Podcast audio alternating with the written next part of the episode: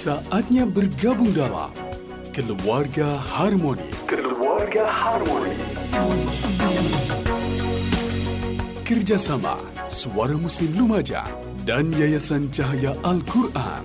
Jalan Diponegoro nomor 80, Jogoyudan Lumajang.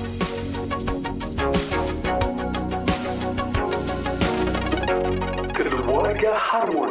Bismillahirrahmanirrahim. Assalamualaikum warahmatullahi wabarakatuh. 89,9 Suara Muslim Lumajang. Alhamdulillah Mitra Muslim Kita masih diberikan kesehatan. Saya juga mendoakan Anda semua ya. Diberikan rezeki yang lancar Yang barokah juga. Amin amin ya robbal alamin.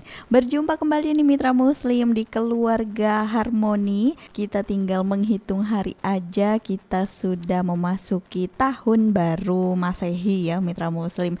Semoga apa yang kita harapkan di tahun ini ternyata semuanya sudah berjalan lancar nih. Nah, makin lancar lagi berarti kita harus menambah doa-doa kita dan juga kita bisa ngelis nih planning apa buat di tahun depan. Resolusi tahun depan apa saja gitu ya. Kalau saya sih resolusi diet saya hapus karena apa? Karena di mata Tuhan kita tetap kecil Mitra Muslim. itu alasan saya. Oke, mitra muslim, dalam mencari pasangan ya, biasanya kita memiliki sejumlah standar tertentu. Kita punya kriteria tertentu juga nih tentang pasangan ideal yang ingin kita dapatkan. Hanya saja perlu kembali kita ingat nih mitra muslim bahwa nggak ada individu yang benar-benar sempurna. Begitu juga dengan sosok pasangan kita. Jadi gimana nih ketika kita memutuskan untuk menikah terhadap pasangan kita nanti gimana nih mitra muslim? Nah selengkapnya kita akan diskusikan bersama uh, dengan Dr. Aliyah Hidayati SPTHTKL, Direktur Yayasan Cahaya Al-Quran dan juga Ustadz Suharyo AP, Master Trainer The Power of Love Mitra Muslim Muslim. Beliaunya sudah hadir di studio Suara Muslim Lumajang. Kita akan bahas menikah itu bukan mencari pasangan yang sempurna seperti itu. Boleh Anda sharing nih yang mungkin sudah pengalamannya sudah lebih dari 10 tahun menikah atau 20 tahun menikah. Nah, boleh sharing ada pengalaman apa saja sih keseruan Anda gitu ya bersama pasangan uh, dalam menjalani rumah tangga ini. Saya sapa kedua narasumber saya. Assalamualaikum. Waalaikumsalam warahmatullahi wabarakatuh. Sehat Bu Dokter Ustadz Haryo? Alhamdulillah. Ya. Alhamdulillah. Alhamdulillah. Sehat ya? Kalau Bu Dokter sehat, saya sehat. Oh gitu ya. Alhamdulillah. Jadi jenengan berdua sudah nyampe ke sini aja itu sudah luar biasa. Berarti sehat. Uh, kalau sibuk mah pasti sibuk ya. Oke, monggo Bu Dokter kita ngebahas tentang menikah itu bukan mencari pasangan sempurna. Terus gimana? monggo dibuka Bu Dokter. Iya baik. Jadi memang uh, tema diskusi kita uh, siang ini adalah menikah bukan mencari pasangan yang sempurna karena uh, tiap hari ada new arrival ya uh, jadi iya. nggak iya. akan ada habisnya kalau cari pasangan yang sempurna dan mungkin nanti sampai kiamat ya nggak akan pas-pas terus gitu mm -hmm. loh karena masih kurang kurang kurang gitu terus ya nah memang menikah ini selalu mempunyai harapan maka harapan apa yang kita inginkan dalam pernikahan saat kita melangkah dengan mengucapkan akad yang berat dan agung ya yang sudah terkenal di Quran ya misa kongolizo itu ya. Nah, apa yang sebenarnya kita niatkan dalam menikah ini? Apa yang ingin kita raih dan apa yang akan kita tuju dalam pernikahan ini? Nah, maka eh, pasangan ya, namanya menikah kan mesti cari pasangan ya ini uh, kita selalu berharap dan berdoa ini pasangan yang sebaik-baiknya untuk kita. Tentu hal ini bisa uh, salah satunya langkah yang ditempuh adalah memperbaiki diri kita sendiri. Insya Allah kalau kita berupaya baik untuk diri kita, Allah juga juga akan menganugerahkan pasangan yang baik. Kalau kita sibuk mencari yang uh, pasangan yang baik atau sempurna untuk kita sementara kita lupa memperbaiki diri kita ya kan nggak ekivalen ya nggak sesuai spekmu gitu ya iya. lagunya ya. Kalau ya nggak mampu kalau ya, bangunan mampu. gitu ya. Iya. Tapi ini pasangan gitu ya Ustadz ya. ya nggak mampu. Enggak Dia mampu. membangun ru- rumah tangga kan. Oh iya benar. Nanti Ustadz Haryo nambahin lebih dalam kan beliau ahlinya ya. Ahlinya Ya, dong. ahlinya ahli. Iya benar. Apalagi beliau kan habis acara kan Hmm. yang bungsu kan. Oh iya benar. Iya, makanya. Monggo. Iya. Yang kalau nyari yang sempurna hampir bisa dipastikan tidak akan dapat ya. Tapi kalau mindset kita kita paksa dalam tanda petik untuk mengakui bahwa pasangan kita itu yang terbaik, maka itu yang terjadi pada diri kita. Jadi pasangan kita selama ini atau pasangan atau calon pasangan kita yakini itu yang terbaik yang Allah kirim kepada kita untuk dipersandingkan bagi suami jadilah imam yang baik untuk memimpin makmum yang ada di belakangnya bagi para istri akuilah bahwa suami adalah imam yang Allah kirim kepada kita untuk memimpin rumah tangga itu untuk menuju kesempurnaan. Nah, di situ jadi ada proses. Masing-masing punya latar belakang yang berbeda-beda dari latar belakang pendidikan, emosionalnya, kemudian pengalaman hidup dan ya macam-macam latar belakang. Kemudian ketemu dengan orang yang berbeda pula. Apa yang harus dilakukan? Saling mengakui, saling menghargai dan saling melengkapi. Itu yang akan menjadikan pasangan kita terasa sempurna. ya. Hmm, terasa sempurna. Terasa sempurna. Alhamdulillah saya berumah tangga sudah 35 tahun misalnya. Pasangan saya dulu tidak seperti ini. Sekarang sudah seperti yang saya harapkan speknya. Hmm, Nah, speknya katanya ya. Bu Dokter tadi kan ya. Iya iya iya. Jadi memang kita itu eh, nggak boleh menuntut pasangan kita untuk sempurna gitu ya Bu Dokter ya dan Ustadz Suharyo. Ah, bukan begitu. Mm, Ya jadi masalah kita nggak boleh menuntut juga. Eh, kita apa namanya menuntut pasangan kita ini sempurna itu kan tentu ya dengan ikhtiar ya maksudnya kita sendiri juga Memperbaiki berupaya diri. memperbaiki diri dan kita mendukung pasangan kita untuk kita didik berubah ke arah yang lebih baik. Jadi sama-sama selalu belajar dan memperbaiki. Ah ya. jadi kan semua kita pengen sempurna nih. Ya mari kita eh, dengan segala potensi yang kita bawa sekarang nih kita harus berubah jadi sama-sama saling apa ya mendukung lah Hmm, saling belajar menuju proses kesempurnaan Iya, itu ya. Iya, jadi harus harus ya itu menuntut sempurna itu bagus gitu loh. Oh, iya. Tapi dengan ikhtiar gitu loh, bukan tuntut doang gitu, omdo dong gitu loh. Iya benar. Ya, Ikhtiar bersama maksudnya ya. Ikhtiar bersama. Jadi kalau misalkan kita menuntut suami kita seperti ini, lebih baik kita mungkin memperbaiki diri dulu. Sama-sama bareng. Jangan kita merasa udah memperbaiki diri, oh kamu kok gitu-gitu aja gitu Oh, kan. iya. Nah, kan nanti akhirnya nyesek kan ngenes gitu loh. Kayaknya kita yang bergerak terus dia diam aja. Itu kan ap- apa namanya persepsi dari kita. Maka ya kita apa namanya eh, komitmen kan dari awal mari kita bersama-sama supaya 35 tahun seperti Ustadz Haryo ini ya, terasa hasilnya ya. Iya benar. Makin romantis ya Ustadz ya. Ya kurang lebih. Oh kurang lebih. Padahal kalau misalkan kita melihat usia pernikahan yang sudah lama gitu mungkin ah ya udahlah terasa biasa aja. Tapi kalau Ustadz Suharyo sendiri dengan Bu Haryo enggak ya terus terus apa bersemi gitu ya. Wah ini menjadi testimoni. ya. Oh iya dong. Tapi begini, pasangan keluarga itu pertama setahun dua tahun itu masih masih pakai topeng. Masih semua itu ingin tampil baik, nggak ada kurang. Itu masing-masing. Tahun-tahun berikutnya semakin kelihatan. Ada yang melepas topengnya atau topengnya bocor, gitu ya. Ya, sehingga kelihatan aslinya.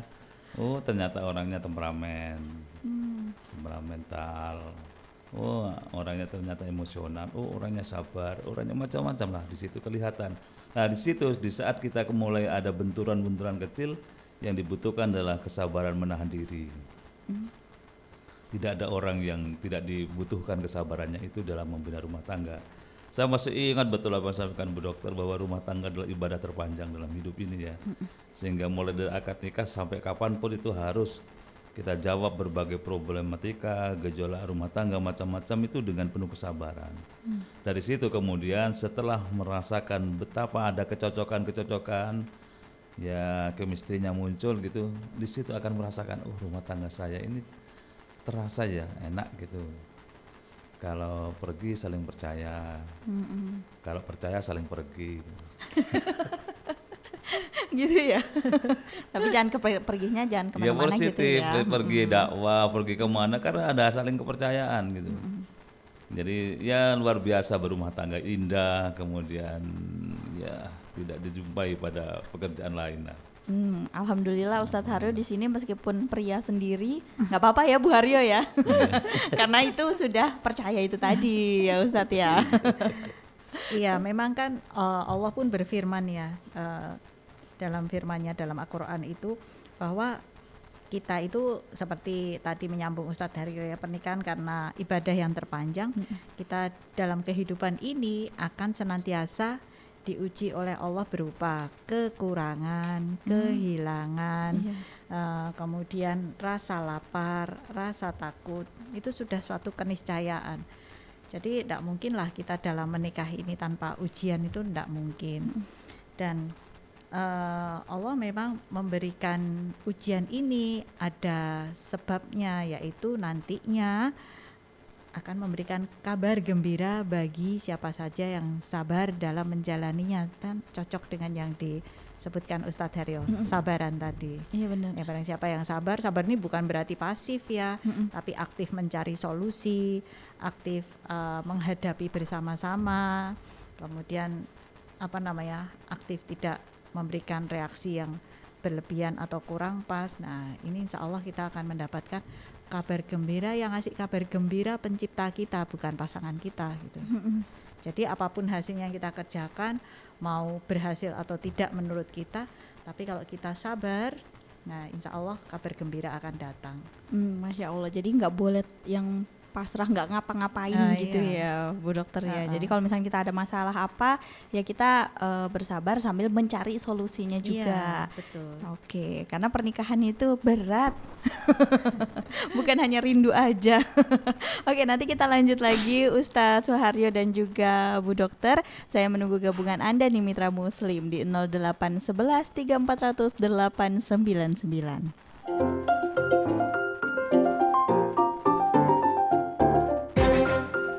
Anda masih bersama Keluarga Harmoni. Kerjasama Suara Muslim Lumajang dengan Yayasan Cahaya Al-Quran Jalan Diponegoro nomor 80 Jogoyudan Lumajang Keluarga Harmoni segera kembali Kembali lagi di Keluarga Harmoni Mitra Muslim bersama saya Kiki Rizkyani dan juga Dr. Alia dan Ustadz Suharyo. Nah tadi kita sudah membahas tentang eh, pasangan di rumah tangga gitu ya. Nah bagaimana kalau misalkan untuk yang belum menikah nih Bu Dokter dan juga Ustadz Suharyo, eh, boleh nggak sih kalau kita ini sebenarnya punya kriteria khusus pasangan nanti untuk kita? Ya boleh, bahkan menurut saya harus dong. Hmm, harus. Iya, kan cita-cita toh, gitu Iya. kan. Iya, kalau kita hidup nggak ada target, nggak ada cita-cita, ntar eh, nggak ada langkah-langkah untuk apa eh, yang akan kita kerjakan lah. maksudnya. Menurut saya itu eh, mendowngrading atau menurunkan makna kehidupan ini sendiri sehingga kita tidak bisa memberikan rasa hormat dan hikmah sebesar-besarnya untuk kehidupan yang sudah Allah anugerahkan pada kita secara pribadi kalau kita tidak masang target. Hmm, Iya. berarti boleh-boleh aja dong kita Boleh punya dong. kriteria gitu ya. Iyalah, iya. Oke. Asal ya itu eh, kalau orang Jawa bilang sembodo ya sesuai eh, kita masang target. Nah, kitanya juga ada ikhtiar, ada usahanya. Hmm. Nggak masang target doang kemudian ditinggal tidur. Oh iya. Kayak nggak ada Mager. usaha ya. Mager. kita targetnya pengen punya pasangan yang seperti ini Oh, gitu. iya, Padahal kitanya uh. goleran aja, Iya. bahan aja gitu ya. Iya, kemudian sibuk ngegibah kanan kiri. Pengennya pasangannya yang benar gitu. Padahal kita sendiri belum gitu.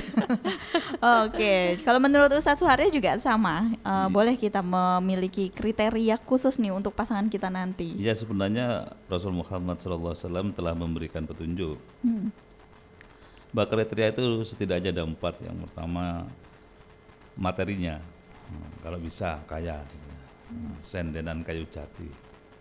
Nah, Gitu bersa- ya? iya, bersandar pada kayu jati, jadi tenang aja dia hidupnya. Yang kedua rupa, Ya, cari yang rupawan, yang cantik, yang tampan, tinggi, besar. Dia cari orang orang Belanda. Jangan pribumi gitu. Kemudian berikutnya ya agama lah, ya, agama. Ya sebenarnya agama ini kata terakhir ya sebagai kata kunci, tapi ada nasab di situ. Nasab itu keturunan. Keturunan orang baik-baik itu insya Allah gampang lah kalau ada keplesetnya itu gampang diarahkan lagi gitu. Keturunan baru yang keempat itu agama. Tapi yang menjadi pertimbangan utama agamanya. Kalau orang beragama dengan baik, maka dia tahu bagaimana cara membina rumah tangga, bagaimana di saat ada persoalan, di saat kan naik turun keluarga itu kan pasangan pasangan kita itu naik turun, kadang bahagia, kadang sedih, kadang sumpah, kadang bahagia lagi begitu. Orang beragama mengetahui dan bisa mengendalikan dirinya di situ pada saat kehidupan kita sedang labil. Jadi keempat itulah yang harus kita jadikan sebagai cita-cita membangun rumah tangga bagi yang belum punya pasangan. Ya. Hmm, bagi yang belum ya. Ya. Bagi yang sudah, ya, ya sudah dicocokkan dengan keempat-empatnya itu, mengarah ke situ. Materi, materinya jadilah orang yang punya materi. Kalau enggak ya, ya sudah disyukuri aja yang ada gitu. Gak usah gantung diri. kan ada orang yang karena setiap hari terlilit oleh persoalan ekonomi gantung diri, dikira gantung diri sebagai solusi, pada itu sebenarnya awal dari persoalan. Oh iya benar. Iya. Nggak boleh ya Ustadz Nggak ya. boleh. Nah kalau misalkan masalah rupa, tampan, ayu gitu ya. Ya kan Nah, sekarang ada nah. ada Pak Dokter, Iya. kali kali kulit. Ada dokter kecantikan juga ya sebenarnya ya, bukan kulit ya tapi kecantikan, estetik dokter estetik estetik Oh, ya. nah ya itu. yang punya biaya ke situ aja. yang betul. yang punya ya. Ya, supaya kalau sudah mulai berkerut ditarik kulitnya, ya, ya. Iya benar benar benar. seperti titik puspa itu nggak pernah tua. Iya benar. Iya. Lo dokter Alia juga nggak pernah tua kok. Iya. Kalau ditanyain ulang tahunnya 17 gitu. plus plus tapi Tapi emang nggak kelihatan. Berarti memang kalau misalkan untuk masalah rupa sebenarnya eh Ada ya rekayasa rekayasa. nggak ada perawatan Iya, gitu perawatan ya. lah bahasa halusnya ya. ada perawatan. Oke, jadi nggak apa-apa nih mitra muslim yang belum menikah gitu ya. Kita harus punya target seperti yang disampaikan eh, oleh Bu Dokter. Jadi kita tuh juga bisa eh, memperbaiki diri ketika kita punya target ini. Berarti kita pun juga harus seperti ini gitu ya Bu Iya. Dokter ya. biar nggak malu-maluin nanti kan Iya benar. nanti kalau benar-benar dapat yang wah, yang kita inginkan ya kita kan pede mendampingi kan Ah, iya Iya. benar-benar PD. Iya pede. Tapi ingat loh, Allah itu tidak tidak memberikan satu corak. Misalnya o- orangnya cantik tapi gampang loro, gampang sakit. Ada saja plus minusnya pasti Allah sertakan pada sisa setiap orang itu. Tapi setidaknya dilihat orang itu enak itu. benar, Enak. diajak kondangan manten itu Iya, pantas. pantas. Iya benar. Nah kalau misalkan kita ternyata sosok pasangan kita ini nggak sesuai dengan kriteria kita, jadi gimana dong? Nggak sesuai aja kriteria yang mana gitu, yang harus di ya misalkan dia kan sudah sudah punya kriteria nih kayak gini, terus Ternyata kita juga dapatnya nggak sesuai harapan gitu. ah, nggak Oh, sesuai. iya. Ya dengan- sudah itu ya terbaik.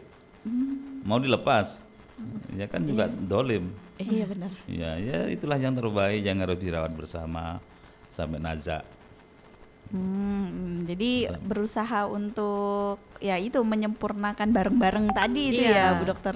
Iya, kalau belum dapat yang sesuai harapan ya kita introspeksi diri. Nah, ya. Oh Ya. ya. Eh, Berarti jangan-jangan saya ini nggak sesuai lah dengan harapan saya ini, terlalu apa ya bermimpi terlalu muluk lah.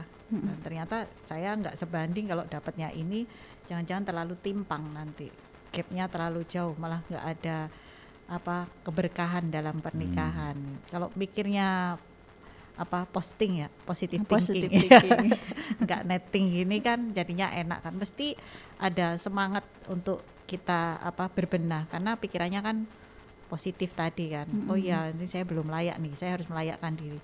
Karena siapa tahu yang saya terima seperti ini, ternyata dia menyimpan potensi luar biasa. Saya harus ini nih apa mengasahnya supaya jadi berlian oh, gitu. Oh iya iya iya. Iya. iya. Jadi meskipun kita menganggap ini kayaknya nggak sesuai dengan kita, tapi kita mungkin eh, berusaha lagi gitu ya, Iya. menemukan potensi-potensi yang ada di dalam diri dia gitu ya. Iya. Bukan melihat dan menambah yang lain ya. Pasangan saya kok nggak cocok, saya tak nambah aja itu. Wah itu. itu kalau ditanya ke saya, saya apa ada mimpi untuk nambah itu? Saya tuh jangankan nambah, mimpi saja tidak berani. Buat- takut ketahuan. mimpi saja tidak berani. Mimpi takut ketahuan Iya. ya. Iya iya iya. Berarti kalau Ustadz Suharya memang dari dulu awal misalkan ada ketidakcocokan gitu nggak pernah apa ya berpikiran untuk nambah gitu ya. Ya nambah jawaban. Oh, nambah jawaban ya benar benar. benar. nambah anak gitu ya. Oke, mitra muslim. Jadi sebenarnya ya menikah itu bu- nggak boleh nyari yang sempurna ya. Bukan, bukan, nggak boleh. Tapi jangan sampai kita ini menunggu atau uh, mencari yang paling sempurnanya baru menikah. Oh iya, kadang ada yang membuat eh, orang takut untuk menikah karena takutnya banyak gak cocoknya gitu Bu Dokter. Nah, ini apa namanya ketakutan yang sebenarnya manu- manusiawi ya. Cuman kalau itu berlebihan, jadi hal yang apa namanya menyimpang dalam agama. Karena agama ini sudah memberikan tuntunan. Semua ini kalau Allah nggak izinkan nggak akan terjadi. Atau nggak akan kita dapat, no. Atau walaupun kita sudah habis-habisan ya mau moles diri dengan segala ikhtiar, tapi kalau bukan rezeki kita yang nggak akan dapat di tangan gitu. Oh iya. Jadi uh, kita niatnya memperbaiki diri kita untuk mendapat ridhonya, ridho dari Allah. Kalau Allah udah ridho, ya udahlah. Eh, ibarat kata itu surga di tangan ya, dunia mah receh gitu kan. iya, mesti kepegang semua deh gitu. Jadi nggak usah terlalu galau. Nah, yang jangan pernah kita mengharap ridho dari selainnya. Nah, supaya kan tidak terjatuh dalam uh, kemusyrikan ya.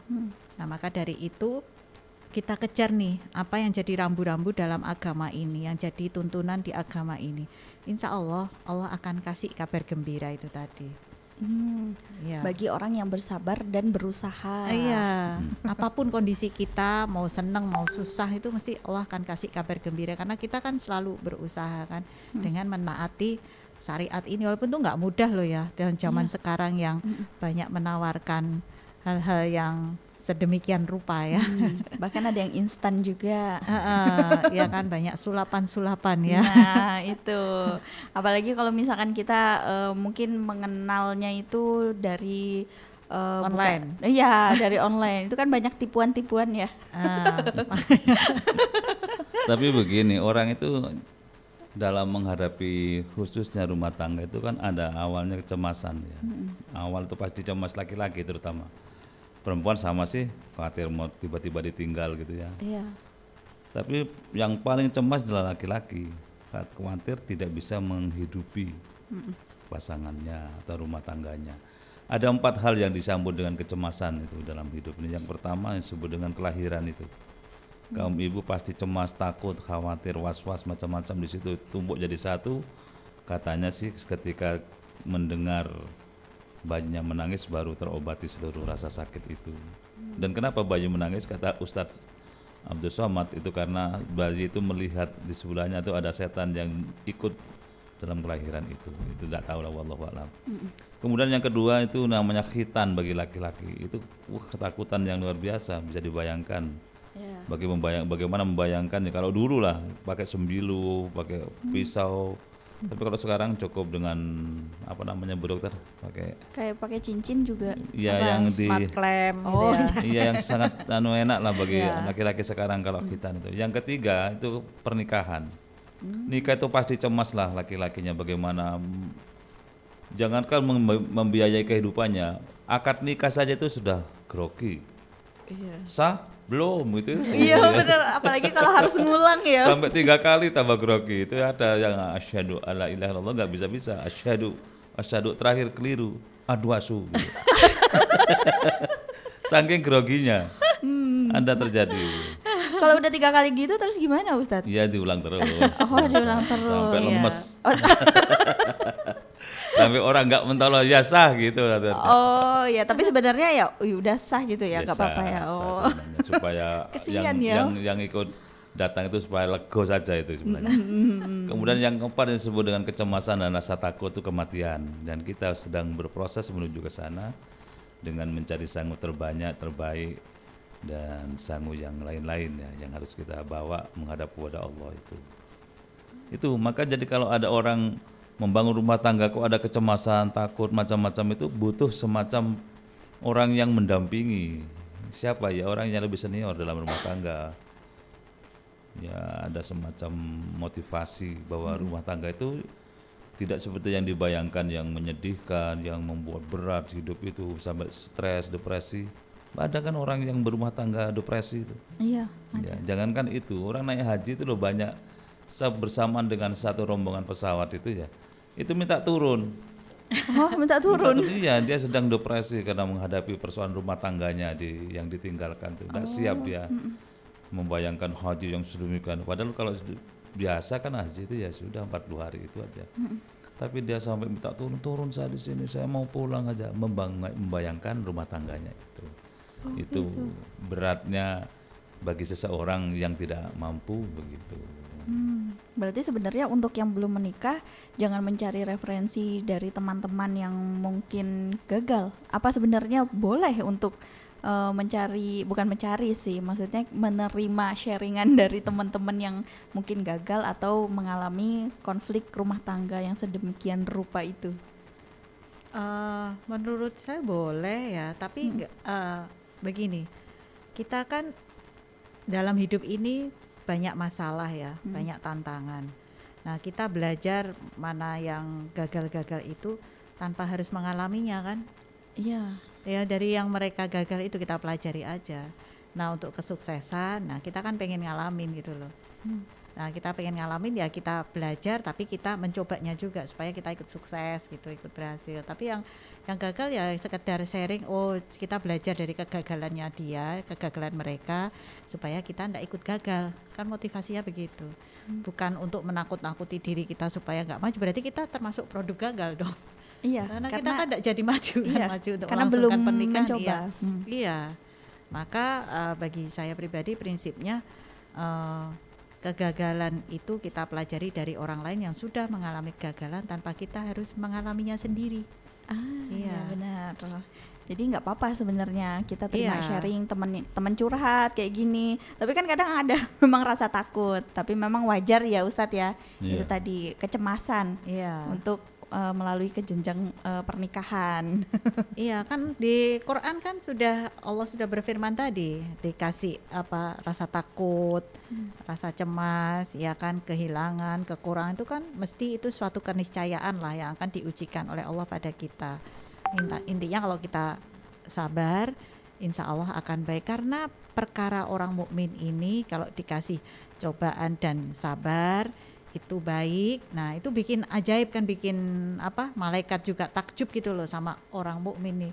Kalau dikasih kebahagiaan, kenikmatan, orang mukmin ini bersyukur dan itu hanya terjadi pada perkara orang mukmin bukan selainnya yang bikin para malaikat dan penduduk langit ini takjub gitu loh. Itu.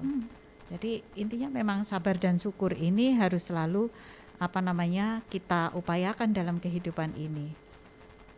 Nah, maka dalam pernikahan ini yang sangat kita harapkan, yang sangat kita upayakan adalah keberkahan yang senantiasa meliputi pernikahan kita. Karena keberkahan ini maknanya ziyadatu fil khair, bertambah-tambahnya kebaikan. Dalam setiap urusan, mau itu urusan yang bikin sempit dada, menyesakkan, eh, bikin nangis gulung-gulung gitu ya, ataupun eh, kebahagiaan yang kita rasakan luar biasa. Itu eh, kalau berkah semuanya berlaku baik bagi kita. Hmm, Masya Allah. Oke, nanti kita lanjut lagi ya, Bu Dokter dan juga Ustadz Suharyo. Eh, kita ke jeda dulu ya, Mitra Muslim. Tetaplah di Keluarga Harmoni.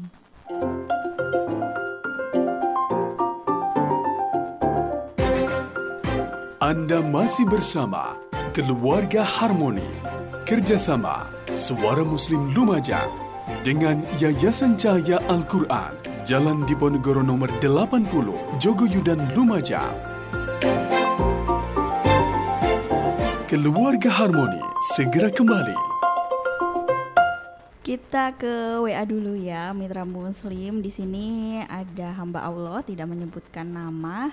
Jadi beliaunya ini cerita, teman saya pisah dengan suaminya yang katanya ketahuan selingkuh. Tapi ada yang beranggapan dari teman-teman lain karena selama menikah itu belum dikaruniai anak. Nah, bagaimana ketika saya mengalami hal itu? Karena kita kan gak tahu tentang keturunan ketika setelah menikah dengan usia saya kepala sudah kepala tiga. Jadi ada kekhawatiran kalau belum dikaruniai anak terus nantinya bercerai. Berapa tahun menikahnya? Belum men oh nggak tahu. Oh, ya yang nggak ada dikaruniai. Oh, belum ya, kekhawatiran aja ya. Kekhawatiran ya, dia. Ya kalau kekhawatiran tuh boleh. Tapi kan itu jangan sampai kita hidup itu ditakut-takuti oleh bayangan kita sendiri kan. Bayangan kita itu akan ikut terus anggapan itu akan muncul gitu. Dan Nabi Ibrahim contoh buat kita sekian lama beliau berkeluarga nggak dikaruniai begitu dia dikarunia maka mendapatkan anak yang luar biasa hebat yaitu Ismail. Kita tahu di antara Rasulullah itu nama Ismail itu sangat melegenda itu sebagai buah dari kesabaran seorang pasangan suami istri dan itulah hasil akhir dari sebuah kekhawatiran awal dan dia tawakal kepada Allah menyerahkan dalam doanya ya Allah kami sudah tua gitu. Hmm. Kalau kami tidak ada penggantinya terus bagaimana gitu lah gampangnya begitu. Hmm. Allah kemudian turunkan seorang putra sehingga kalau kita besok berkeluarga kemudian ada kekhawatiran seperti itu ya boleh-boleh saja tapi jangan menganggap negatif kepada Allah. Allah punya rencana-rencana hebat. Mungkin ditunda sementara, mungkin belum waktunya dan seterusnya banyak hal yang harus dipikirkan. Tetap saja optimis, yakin Allah akan memberikan yang terbaik. Hmm, Oke, okay. kalau dari Bu Dokter gimana Bu Dokter? Uh, Kekhawatiran karena usia. Baik. Jadi Uh, sekali lagi mungkin ini ya baca tafsir Quran ya Quran surat Maryam ya. Ada tuh doa Nabi Zakaria. Nabi Zakaria tuh sepuh banget loh belum dikaruniai anak. Dikisahkan bisa usia di atas 80 dan beliau waktu itu terkenal di masyarakat mempunyai istri yang mandul. Nah sampai Nabi Zakaria ini dengan telaten ya dengan penuh istiqomah selalu memohon doa itu ada doanya itu di Quran surat Maryam ayat 2 3 itu coba 2 dan 3 nah sampai kemudian Allah menjawab di apa namanya di ayat 7 kalau ya Zakaria uh, engkau sungguh akan punya keturunan seorang anak yang namanya Yahya. Yahya ini nama yang dikasih Allah pada apa namanya seorang anak manusia yang sebelumnya tidak pernah ada nama Yahya ini Hmm. Jadi sepanjang sejarah peradaban manusia itu nggak ada seorang pun yang namanya Yahya baru dari anak Nabi Zakaria ini yang dikasih nama Allah langsung. Kan luar biasa kan kabar gembira. Yang penting sabarlah, coba apa ndak lelah berdoa sampai titik di mana nanti memang Allah akan ngasih hadiah apa nih gitu. Sabar aja.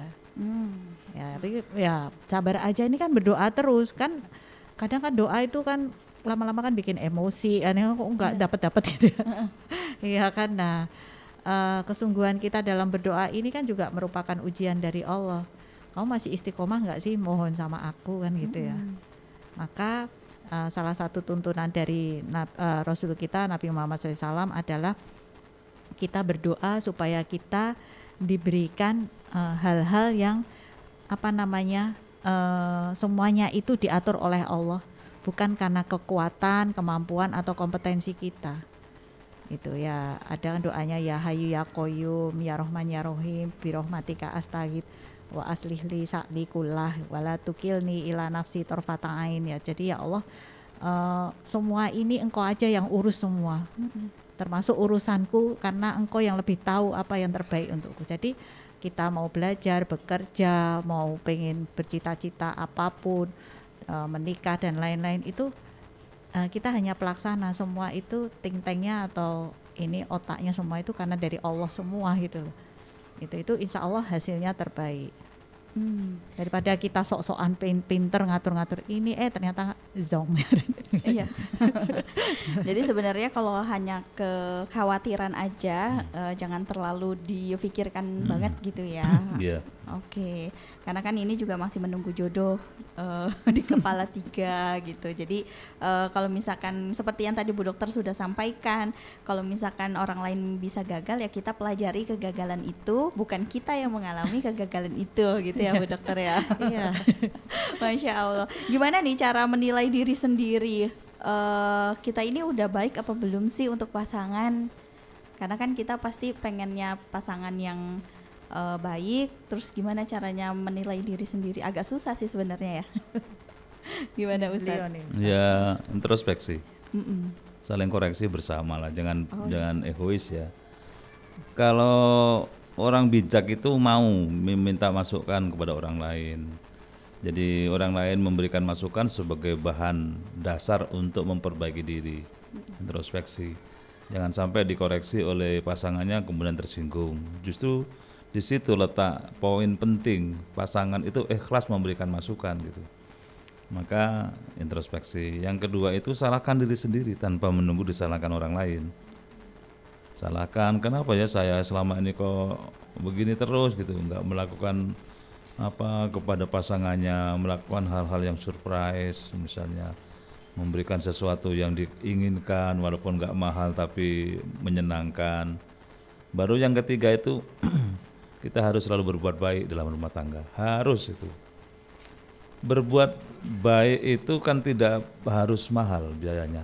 Kadang-kadang hal-hal sederhana memberikan apresiasi kepada pasangan. Masakannya kok enak ya hari ini ya gitu. Oh itu masak lagi istrinya. gitu. Kayak yang kepala ikan ya. Jadi itulah mukhasanah. Baru yang keempat bersungguh-sungguh membangun rumah tangga itu. Nggak boleh ya asal-asalan. Harus ada apa goodwill, keinginan baik untuk selalu memperbaiki kehidupan rumah tangganya. Baru istiqomah. Istiqomah itu continue dalam kebaikan tidak dok jangan ada orang yang dokternya itu sekarang bagus, besoknya amburadul lagi terus gitu. Nah, tapi kalau istiqomah dalam kebaikan itu ajek. Jadi continue dalam kebaikan, continue dalam kebenaran dan kita ingin menjadikan rumah tangga kita sebagai rumah tangga yang terbaik dalam dirinya gitu. Itu bagian dari bagaimana kita mengevaluasi diri. Ya. Hmm, Oke. Yang terpenting kalau dikoreksi jangan tersinggung. Ya, gitu betul. ya. Ya, ya. Kadang kalau Tapi jangan sering-sering koreksi kalau nggak diminta. Oh Ah, iya iya, iya iya, iya iya. Jadi kita juga ng- jangan terlalu sering-sering juga mengkoreksi pasangan gitu Iya, ya. iya. Takutnya nanti dia bosen. Tapi kan misalkan ada suami yang eh, jarang ngoreksi, sekalinya ngoreksi, jadi akhirnya membuat hati si istri tersinggung karena nggak pernah nggak pernah diginiin. Cara ngoreksinya cari ya satu caranya, yang kedua tempatnya. Hmm. Katakan koreksi itu di saat dalam suasana bahagia. Jangan dalam kondisi sedih dikoreksi. Ya sam- sampai kemudian memuncak emosinya. Katakan ke- apa kritik itu di saat mau tidur misalnya Hmm. bisikkan kalimat-kalimat sesuatu yang membuat dia yakin Hmm. bahwa itu berangkat dari hati yang tulus dan seterusnya. Itulah pasangan yang ideal dan indah. Yes, masya Allah. Eh, mencari kesempurnaan bersama, melengkapi gitu ya, Iya, Ustadz ya. betul, betul. Oke, terakhir nih dari Bu Dokter dan juga Ustadz Suharyo untuk siang hari ini pesannya untuk mitra Muslim, monggo Bu oh, Ustadz Suharyo terlebih dahulu. Ya, ya yakin bahwa kita tidak akan pernah mendapatkan pasangan yang sempurna. Tapi dengan ikhtiar dan kerja keras, maka pasangan yang terbaik itu akan menuju kepada kesempurnaan. Bersandarlah kepada Allah dalam membangun rumah tangga karena di situ kita akan diangkat oleh Allah dari kegelapan menuju kehidupan yang penuh dengan cahaya dan maunah. Kalau kita bersandar kepada selain Allah dalam membangun rumah tangga, yakinlah kita akan dibiarkan oleh Allah jatuh terjerembab ke dalam lembah kehinaan yang luar biasa. Makasih. Masya Allah, terima kasih Ustadz. Bu dokter silahkan. Iya baik, jadi jangan sampai kelak ya, seumpama kita sekarang lagi susah, nanti udah seneng itu bertambahnya uh, kemakmuran tak seiring dengan bertambahnya kebaikan kan jangan sampai seperti itu ya. Nah maka hendaknya tujuan kita semua dalam menikah ini adalah hidup bahagia bersama sampai akhir hayat, hidup taat penuh dengan istiqomah sehingga kelak kita sekeluarga mendapatkan jannah. Masya Allah. Terima kasih banyak narasumber saya yang luar biasa. Semoga sehat selalu. Pekan depan bisa berjumpa kembali. Wassalamualaikum. Waalaikumsalam warahmatullahi wabarakatuh. Baik mitra Muslim, tentu sudah kebersamaan kita di keluarga harmoni. Semoga apa yang kita diskusikan, kita obrolkan siang hari ini bisa bermanfaat untuk Anda ya. Akhirnya saya Kiki Rizkyani pamit undur diri. Terima kasih telah mendengarkan. Subhanakallahumma wa bihamdika nasyhadu alla ilaha ila anta nasafiruka wa natubu ilaik. Maha suci engkau ya Allah dan dengan memujimu kami bersaksi tiada Tuhan yang berhak diibadahi selain engkau. Kami memohon ampun dan bertobat kepadamu. Wassalamualaikum warahmatullahi wabarakatuh.